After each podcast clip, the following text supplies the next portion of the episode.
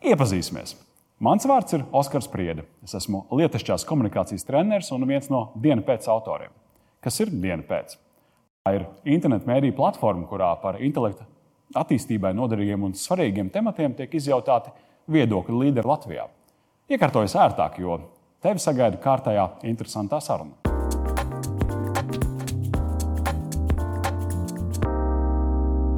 Latvijas finieris uzņēmums, kas sasniedz līmeni, kurā neveidojas atkrituma ražošanas procesā. Stāsts, no kur mācīties katram uzņēmējam.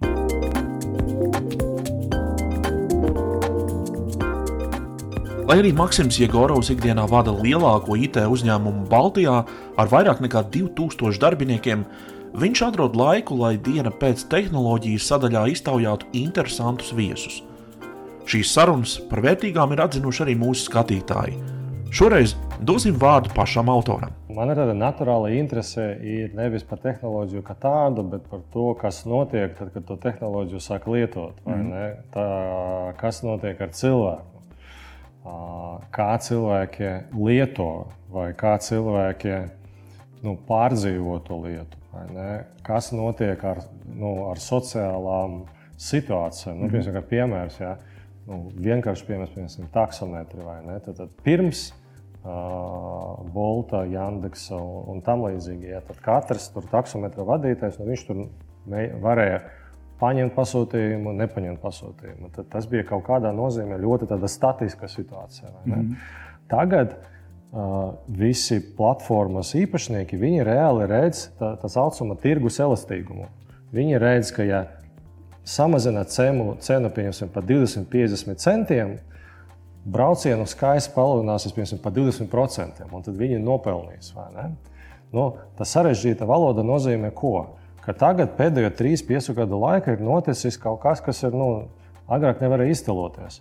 Tas taksometru, tas pasākums, padarīšana optimizējās uz nu, grupu Tas ir kaut kāds vidusceļš starp taksometru vadītāju interesēm, mm -hmm. īpašnieku interesēm un uh, cilvēku interesēm. Un tas ir tas tirgus elastīgums. Ja? Mm -hmm. Un to var matemātiski aprakstīt, un tur, tur visu vai ne. Un tas man neinteresē. Ne? Bet kas notiek ar cilvēku uztveri? Kas notiek ar to taksometru vadītāju uztveri? Kā tas maina, pieņemsim, sabiedrības lietas? Jo pēc būtības tas nozīmē, ko kā kādiem, nu, pēc maniem novērtējumiem, 20-30% no cilvēkiem var pārdot savas mašīnas. Vai nākotni tehnoloģijās var paredzēt? Izrādās, ka jā, un tā ir mums visiem publiski pieejama informācija. Kur to meklēt?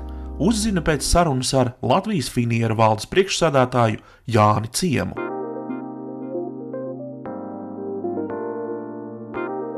Latvijas finieris, viens no lielākajiem Latvijas uzņēmumiem, flagmanis, ražo eksporta preces. Es domāju, ka gandrīz katrs latviečs zina par Latvijas finieru. Eh, man personīgi bija ļoti interesanti paskatīties, ka Latvijas finieris ir viens no tiem uzņēmumiem, kas savā mājaslapā ir nopublicējis gan ilgspējas politiku, gan arī virkne politikas, kas attiecas tā skaitā arī uz vidas jautājumiem. Kāda ir Latvijas finieru pieredze šo vidas jautājumu risināšanā un kopumā attieksmē pret vidi kā tādu?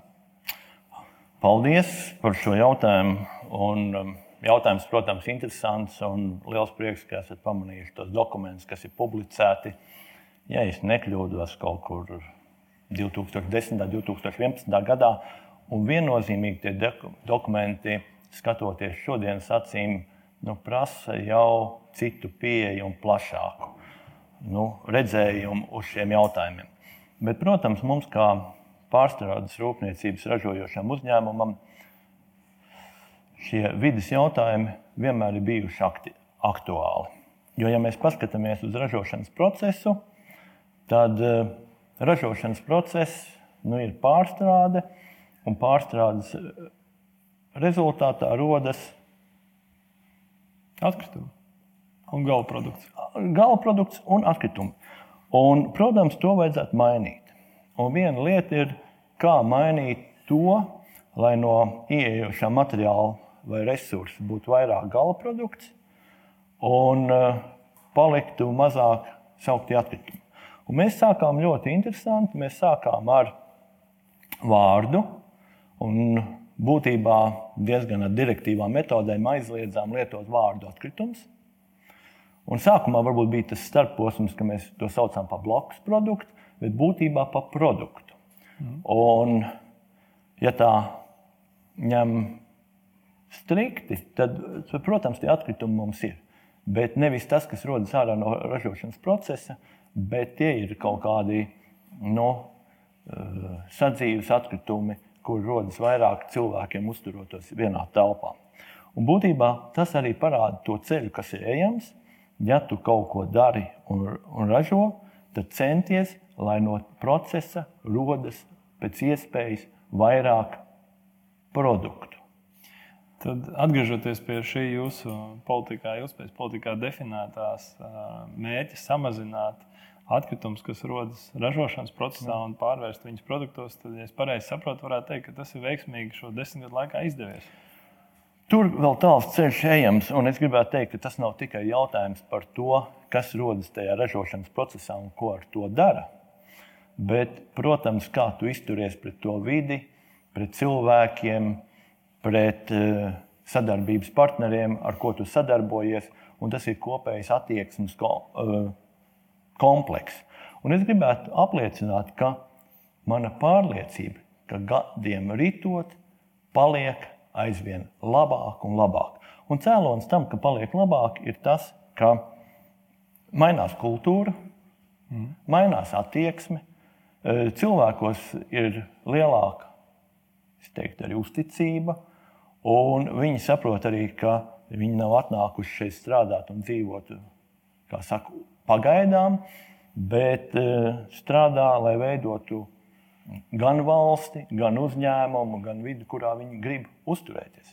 Un, protams, arī attī, nu, palielinoties cilvēku materiālajai labklājībai, uzņēmumu labklājībai, šeit arī mainās attieksme, kura ļauj mainīt arī ražošanas procesus, investēt jaunās tehnoloģijās, kuras ir vidēji daudz draudzīgākas.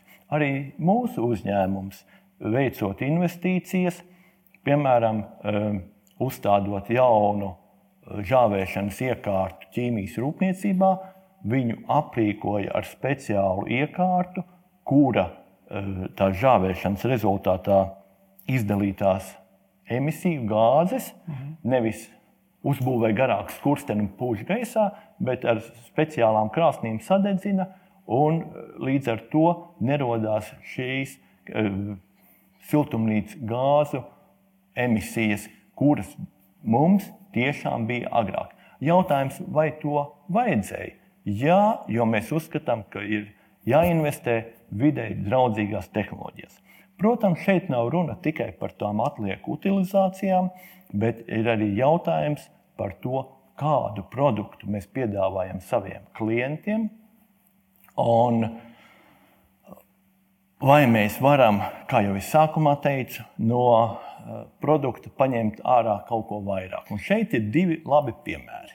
Tieši gribēju te jautāt, vai tu vari iedot mums kādu piemēru? Jā, es tieši jūs, tādēļ arī gribētu. Ko jūs ražojat Jā. no, teiksim, no atkritumiem, ko jūs saucat par blakus produktiem, un kas ir tas taustāmais produkts? Tur ir dzīvesveids. Nu, tā tad, kā jau es teicu, nu, ir process, no kura nāk ārā kaut kādi atliekas, kuras vajag censties maksimāli izmantot lai tā neizmantojamā daļa arī kā mazvērtīgs produkts būtu pēc iespējas mazāk. Un otra lieta, ka nav jau tikai tas uh, resursu izmantošanas pakāpja, jeb izmantošanas koeficients svarīgs. Ir svarīgs arī tas, cik mēs izmantojam teiksim, šos fosīlos resursus. Mm. Jo, ja mēs runājam par karbona aprits ciklu, tad tas uh, karbons, nu tā ļoti vispārīgi ņemot, tas, kas mums uz Zemes ir, uh, viņš aiziet gaisā, viņš atgriežas uz zemes, uz ūdens, un tādā rotācijā ir. Bet tie fosīlie, kurus mēs papumpējam no zemes, lai gan kādreiz arī viņi bija virs zemes, tad, kad, tās, tad, kad uh, varbūt jūsu senči staigāja pa tām papāžu birzēm, vai ne? Bet tomēr mums ir jāskatās, kā šo fosīlo emisiju avotus izmantot pēc iespējas mazāk. Un šeit ir viens piemērs, ka um, mēs ražojot saplāksni, kas ir šī dabiskās koksnes loksnes, salīmējot ar sintētiskiem sveķiem, sintētisko sveķu receptūrā izmanto šo, nu, šo ķīmisko saistvielu, kur iegūst no naftas produktiem. Mhm. Un mums ir iespēja, bija, ka līdzvērtīgu produktu ir iespējams iegūt no koksnes, kas, kas būtībā ir tas karbons, kurš ir virzemes rotācijas ciklā.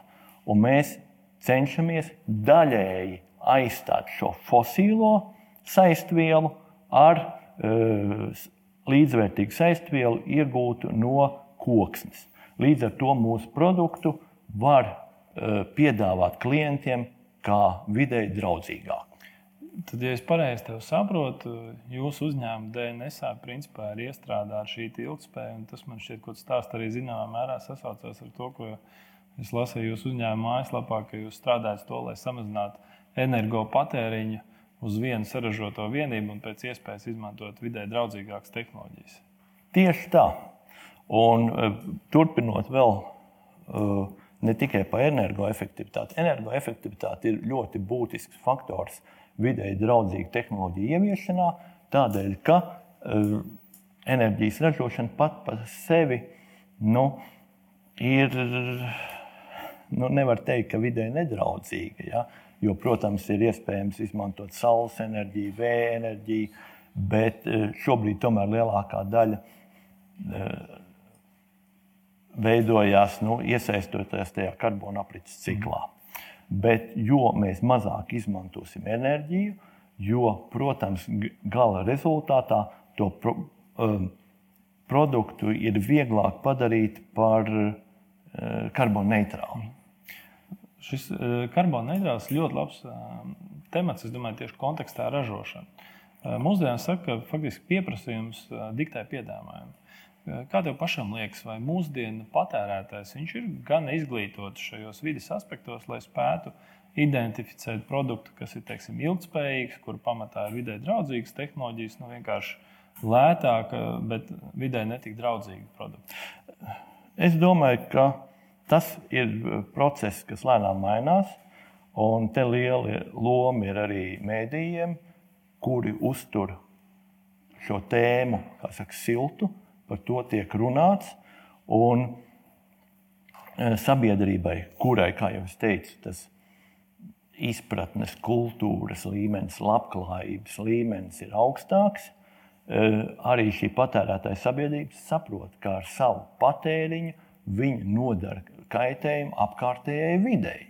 Un te, protams, ir arī jautājums par dažādu preču apriti, kaut vai par otrreizēju apģērbu cilvēks, cilvēks teiksim, attīstītā valstī, kur viņš vēlas nu, nezinu, pirkt žaketi reizi nedēļā, ja, izjūt sirdsapziņas pārmetumus.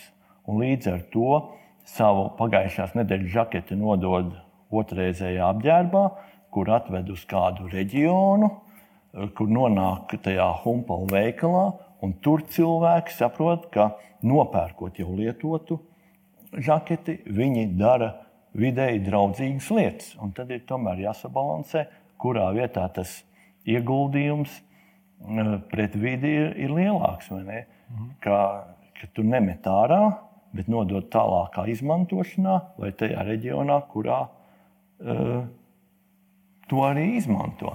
Un tas ir, protams, jautājums par par vienotu sistēmas izveidi. Mums, mums tas ir, es varētu vilkt paralēlus, kā kokrūpniecības uzņēmumam. Mēs e, esam Latvijā, kur, e, kas ir bagāta ar mežiem. Līdz ar to iespējams mums mežs nav tāda vērtība, kāda Nē, ir Vācijā mums ir. Liela, viņa ir liela vērtība. Ja? Un mē, mums ir ļoti jādomā, jo mežs ir būtisks faktors racionālā zemes izmantošanā, lai piesaistītu šo apritē esošo oglekli. Mm -hmm. nu, tad, tad no tās zemes virsmas tas ogleklis, kas mums ir apritē, visu laiku tiek papildināts ar ar eh, to fosīlu sadedzināto benzīnu, jo galvenais piesārņojums tomēr nāk no transporta. Diemžēl. Diemžēl, jā, bet bez kura mums ir grūti izteikt. Un tāds jautājums, kā viņu deponēt vai piesaistīt. Un, protams, eh, var piesaistīt pļāvas, var piesaistīt labību, bet tas ir īsts cikls. Vislabākais piesaistīšanas veids ir koks, jo viņš ir kaut kādā saprotamā, saprotamā uh, laikā, nu, vismaz 50, 60 gadi. Bet šeit svarīgi, lai mēs varētu būt uh, tādi ilgspējīgi CO2, nu, principā C deponētāji. Ja? Mm. Ir jābūt uh, ļoti efektīvai meža saimniecībai. Un te veidojās arī šī tāda zināmā mērā diskusija vai duāla situācija, kādai tad jābūt meža saimniecībai, vai viņai jābūt zinātnē balstītai, efektīvai, vai, kā atkal var teikt, pēdiņās dabīgai.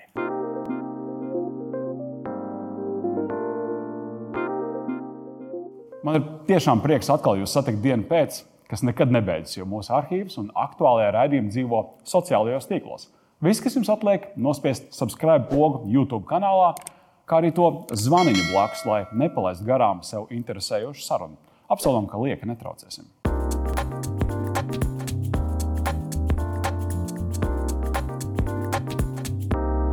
Katrs no mums ir saskāries ar finieru, bet ne visi mēs zinām, kā viņu ražo, kādi produkti rodas šī finiera ražošanas procesā un tieši kā var izmantot bērza mizas.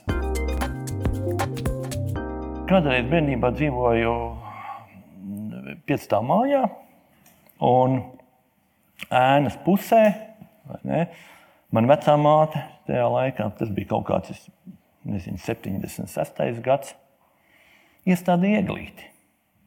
Ja? Un es tur vairs nedzīvoju, bet es aizgāju, un tā ieglīte vēl šodien ir. Cik viņi ir izauguši? Viņa ir apmēram šāda. Ēnas pusē. Ēnas pusē, jā. un tur ir blakus koks. Viņa ir apmēram tā kā mans īkšķis. Bet viņai ir nu, 40 pāri gadi. Mm -hmm. Un, bet viņa ir dabīga, tā ir vērtība. Tā pašā laikā uh, labi selekcionēti stādi, uh, sagatavotā meža zemē, būtu jau lietas koks, kurš savā mūžā būtu piesaistījis ļoti daudz karbona. Mums, ja, ja to iet plašumā, tad tā ir mūsu iespēja saka, būt par šo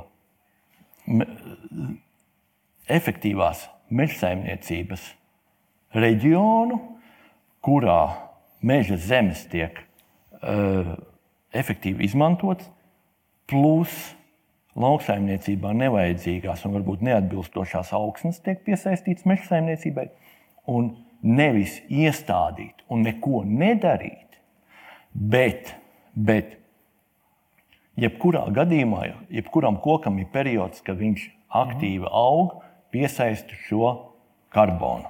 Bet tad, kad viņš ir nobriedzis, pieaudzis, viņš ir jā, nogriež, un tas stumbrs ir jāuzsver, ka tas ir deponētais karbons un jāpārstrādā koksnes produktos, kuri vēl turpinās 100 un 200 gadus kalpot. Un būt, nu, mēs uz viņu varam skatīties kā, kā uz produktu, kā uz deponētu karbonu. Un, un cilvēkiem ir tās lietas ilgstoši arī jāvar lietot. Un šeit ir tā patērētāja sabiedrība. Ja? Un te ir tas jautājums, ar ko mēs sākām runāt. Vai, vai mēs reģionā, kurā mēs audzējam mežu, viņu pārstrādājam, dodam šo savu ieguldījumu kopējā Eiropas zaļā kursa realizācijā, vai arī tie reģioni, kuri nopērk šo produktu un arī spēj ilgstoši izmantot. Un te jau arī mainās tā ražotāju atbildība saistībā ar to, ka mums jābūt zināmā mērā atbildīgiem, kā tas produkts kalpo un vai viņš ir klientam gada, gana labs. Šeit man nevilšu gribās eh, jautāt uh, divas lietas. Faktiski. Viena lieta, esmu starp citu mežā tieši saskāries kur, ar stādījumiem, ko man teikuši, šī ir Latvijas finiera nākotnes bērnu stādījumi. Mm -hmm. Man liek domāt, ka Latvijas finieris arī domā par šīm intensīvi apsaimniekotajām kvalitatīvajām meža audzēm, lai būtu šis resurss arī nākotnē. Nevis tik, cik viņš dabīgi izaug, bet lai mm. veicinātu šī oglekļa piesaisti un, un radītu šīs audzes. Uh, otrs jautājums, kas man, protams, uh, ļoti triviāls, droši vien pats daudz laika pavadīja mežā. Kā tev šķiet, vai atkrituma apjoms mežā šajos gados ir samazinājies, vai viņš ir plus mīnus stabils, vai kāda ir valdošā tendence? Es, es esmu pārliecināts, ka viņš samazinās. Tāpēc, ka jau es teicu, ka dzīve kopumā paliek labāka. Cilvēku attieksme mainās, cilvēku uzņēmumu sabiedrības kopumā rocība, dzīves līmenis ceļās, un cilvēki ir ieinteresēti veidot labāku un, un saka, vidēji draudzīgāku vidi. Un uz mežu ir jāiet ne tikai audzēt koki, bet jāiet lasīt sēnes, ogas un atpūsties. Un tur nav jāsteigā pa plasmas maisiņiem. Mm -hmm. un, un tas, protams, ir izņēmums. Bet kopējā tendence, ka sabiedrība izpratne palielinās, bet, bet daļai, un man liekas, arī Eiropas zaļais kurs ir ļoti pareiza un perspektīva rīcības programma, kuras uzdevums ir intensificēt un padarīt ātrāku tās vīzijas un mērķu sasniegšanu, uz kuru, man liekas, sabiedrība virzās dabiskā ceļā, lai to procesu padarītu ātrāk. Bet, jebkurā gadījumā, Eh, liekot uzsvaru uz procesu pātrināšanu, ir ļoti svarīgi, lai notiktu šīs sazobes starp dažādām programmām. Lai eh, nenotiktu teiksim, neizpratne, ka vides jautājumi var ietekmēt sociālos vai pārvaldības jautājumus, lai, lai nebūtu tāds ekstrēmisms, ka attīstot meža saimniecību, apgūstot jaunas platības, eh, netiktu pārtraukta mežstrāde un tai pašā laikā simtiem vai tūkstošiem cilvēku nenonāktu bezdarbnieku lokā. Šeit ir jābūt ļoti sabalansētai situācijai, jo e, var minēt piemērus, ka ir arī šajos Eiropas dokumentos minēts, ka vajadzētu no saimnieciskās darbības izņemt Latvijā pat 250 tūkstošu hektārus meža platību. Mhm. Tai pašā laikā ar otru roku uh, uh, novilkts kurs uz koksnes produktu plašāku izmantojumu, izmantojamību būvniecībā, koku ēku celtniecībā, kas ir absolūti pareizi. Kā jau es teicu, lai nocirstais koks būtu būvelements un jau mājā kalpot vēl 100 vai 200 gadus. Bet... Cits starpā par šo arī ļoti interesants moments. Nesen piedalījos vienā diskusijā, un tur tieši bija runa par šķeldu. Nu, mēs visi zinām, ka šķelda mm. pirms 20 gadiem bija būtībā atkritums. Tā ir produkts. Kurināmais, un tagad uh, valdošā tendence, es pareizi saprotu, ka perspektīvā balto šķeldu izmantot kā kurināmā būs aizliegts. To pat nedrīkst, jo to, protams, regulē arī tie cenu jautājumi, jo uh, kurināmā tirgus ir viens cenas līmenis, un tā ir mēs sakām, otrreizējā koksne vai trešreizējā koksne. Un būtībā e, šķelda, kas aiziet kurināmam, tā jau jābūt kaut kādiem sadrupinātiem palešu materiāliem, vecām mēbelēm un, un, un varbūt neizmantotiem kādiem palikņiem. E, baltā šķelda ir e, lielisks materiāls, lai ražotu plātnes, skaidra plātnes, MDF plātnes, arī izolācijas materiāls, šķiedru materiāls. Un šeit gribu teikt, ka mēs arī skatāmies tajā virzienā.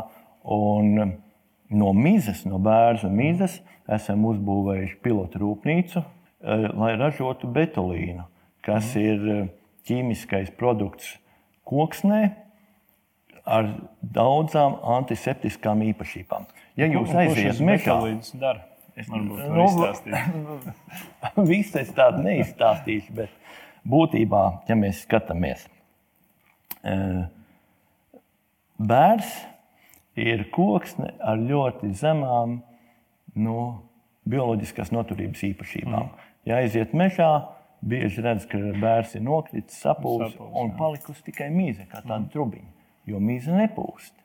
Un mizā ir dabiskās darbas, un darba saturā ir, ir, mm. ir vairākas vielas, un tā skaitā arī betulīns, kurš mm, tiek šobrīd izmantots un veikt arī pētījumi, kā, gan kā pārtiks piedevas, kurus eh, mēs sadarbojamies ar, ar Vācijas pārtiks piedevu ražotāju partneri un mēģinām iet tajā virzienā, ka no, pro, no produkta, kas ir mīza, kas agrāk tiešām gāja kā kurināmais, mēs varam iegūt no tādas augstākas pievienotas vērtības produktu, tajā pašā nepa, nepalielinot esošo resursu patēriņu. Mm -hmm. Tas ir arī viens no tiem virzieniem, kā vajadzētu attīstīties ražošanai, ka no esošiem mūsu rīcībā esošiem resursiem mēs iegūstam maksimālo atdevi. Nu, būtībā varētu teikt, šī liekas tāda rekomendācija, ko var pateikt jebkuram uzņēmējam, kurš kaut ko ražo, par kaut ko domā, ka pēc iespējas vairāk izmantot viņa rīcībā esošos resursus, lai saražotu gala produktu. Tieši tā, eh, jo ļoti būtiski ir ieraudzīt Un mēs dzīvojam, un daudzas lietas neredzam, ka var darīt savādāk.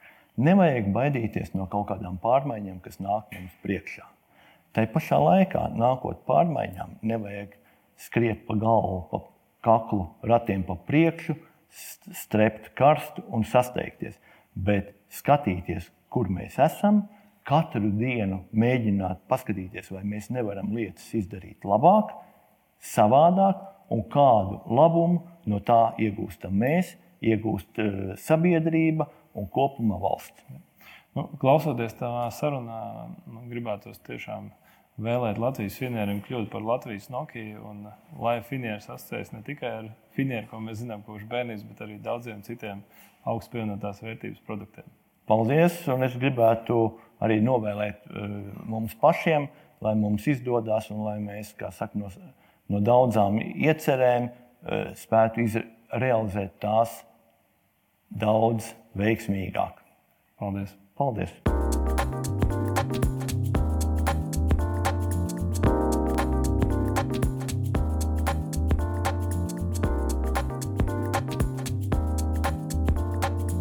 Vai nākotni tehnoloģijās var prognozēt? Mēs to nejautātu kuram katram, taču, ja tas kāds ir Baltijā lielākā IT uzņēmuma Accenture vadītājs un arī mūsu kolēģis Maksims Jegorovs, tad kāpēc ne? Pilnīgi precīzi pateikt, nu nekā nevar, bet var pateikt apmēram to virzienu, kur tas viss iet. Vienmēr var pateikt nākamo 3-5 gadu laika, kāda apmēram ir tie scenāriji, kas var mainīties un tam līdzīgi. Un tam līdzīgi un, jā, un tas parasti, tīpaši šodien, tas ir pieejams. Nu, teiksim, tas ir tāda brīvi, bezmaksas pieejama informācija. Tehnoloģiskas vīzijas, tur mm. publicē daudz dažādu kompāniju. Mēs arī publicējam, jā, un tur ir tur 150 lapas puses, tur izdruka, paņem, izlasi, un tu, tur ir piemēram, viss ir pateikts. Mm.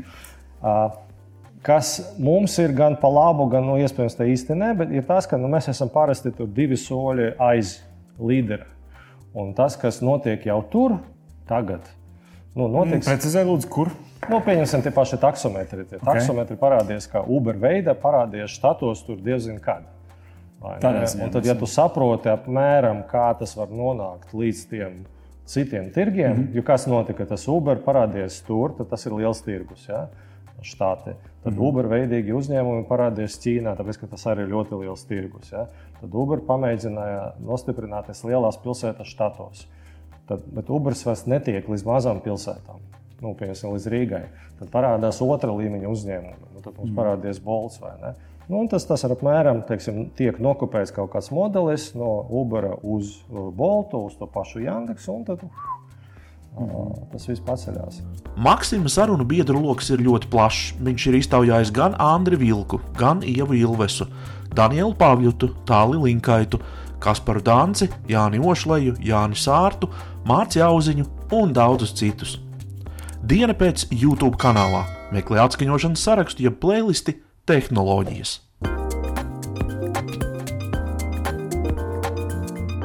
Paldies Mārim par aizraujošo un izglītojošo sēriju, un Jānim Ciemam par atklāto stāstu. Par ilgspēju, sociāli atbildīgiem un zaļi domājošiem uzņēmumiem runāsim arī turpmākajās sērijās, jo arī mums dienu pēc ir tuvas vērtības, kas spēj iekustināt cilvēkus uz rīcību, kas saglabā šo zemi mūsu nākamajām paudzēm. Lielu lomu šajā ziņā spēlē mediji.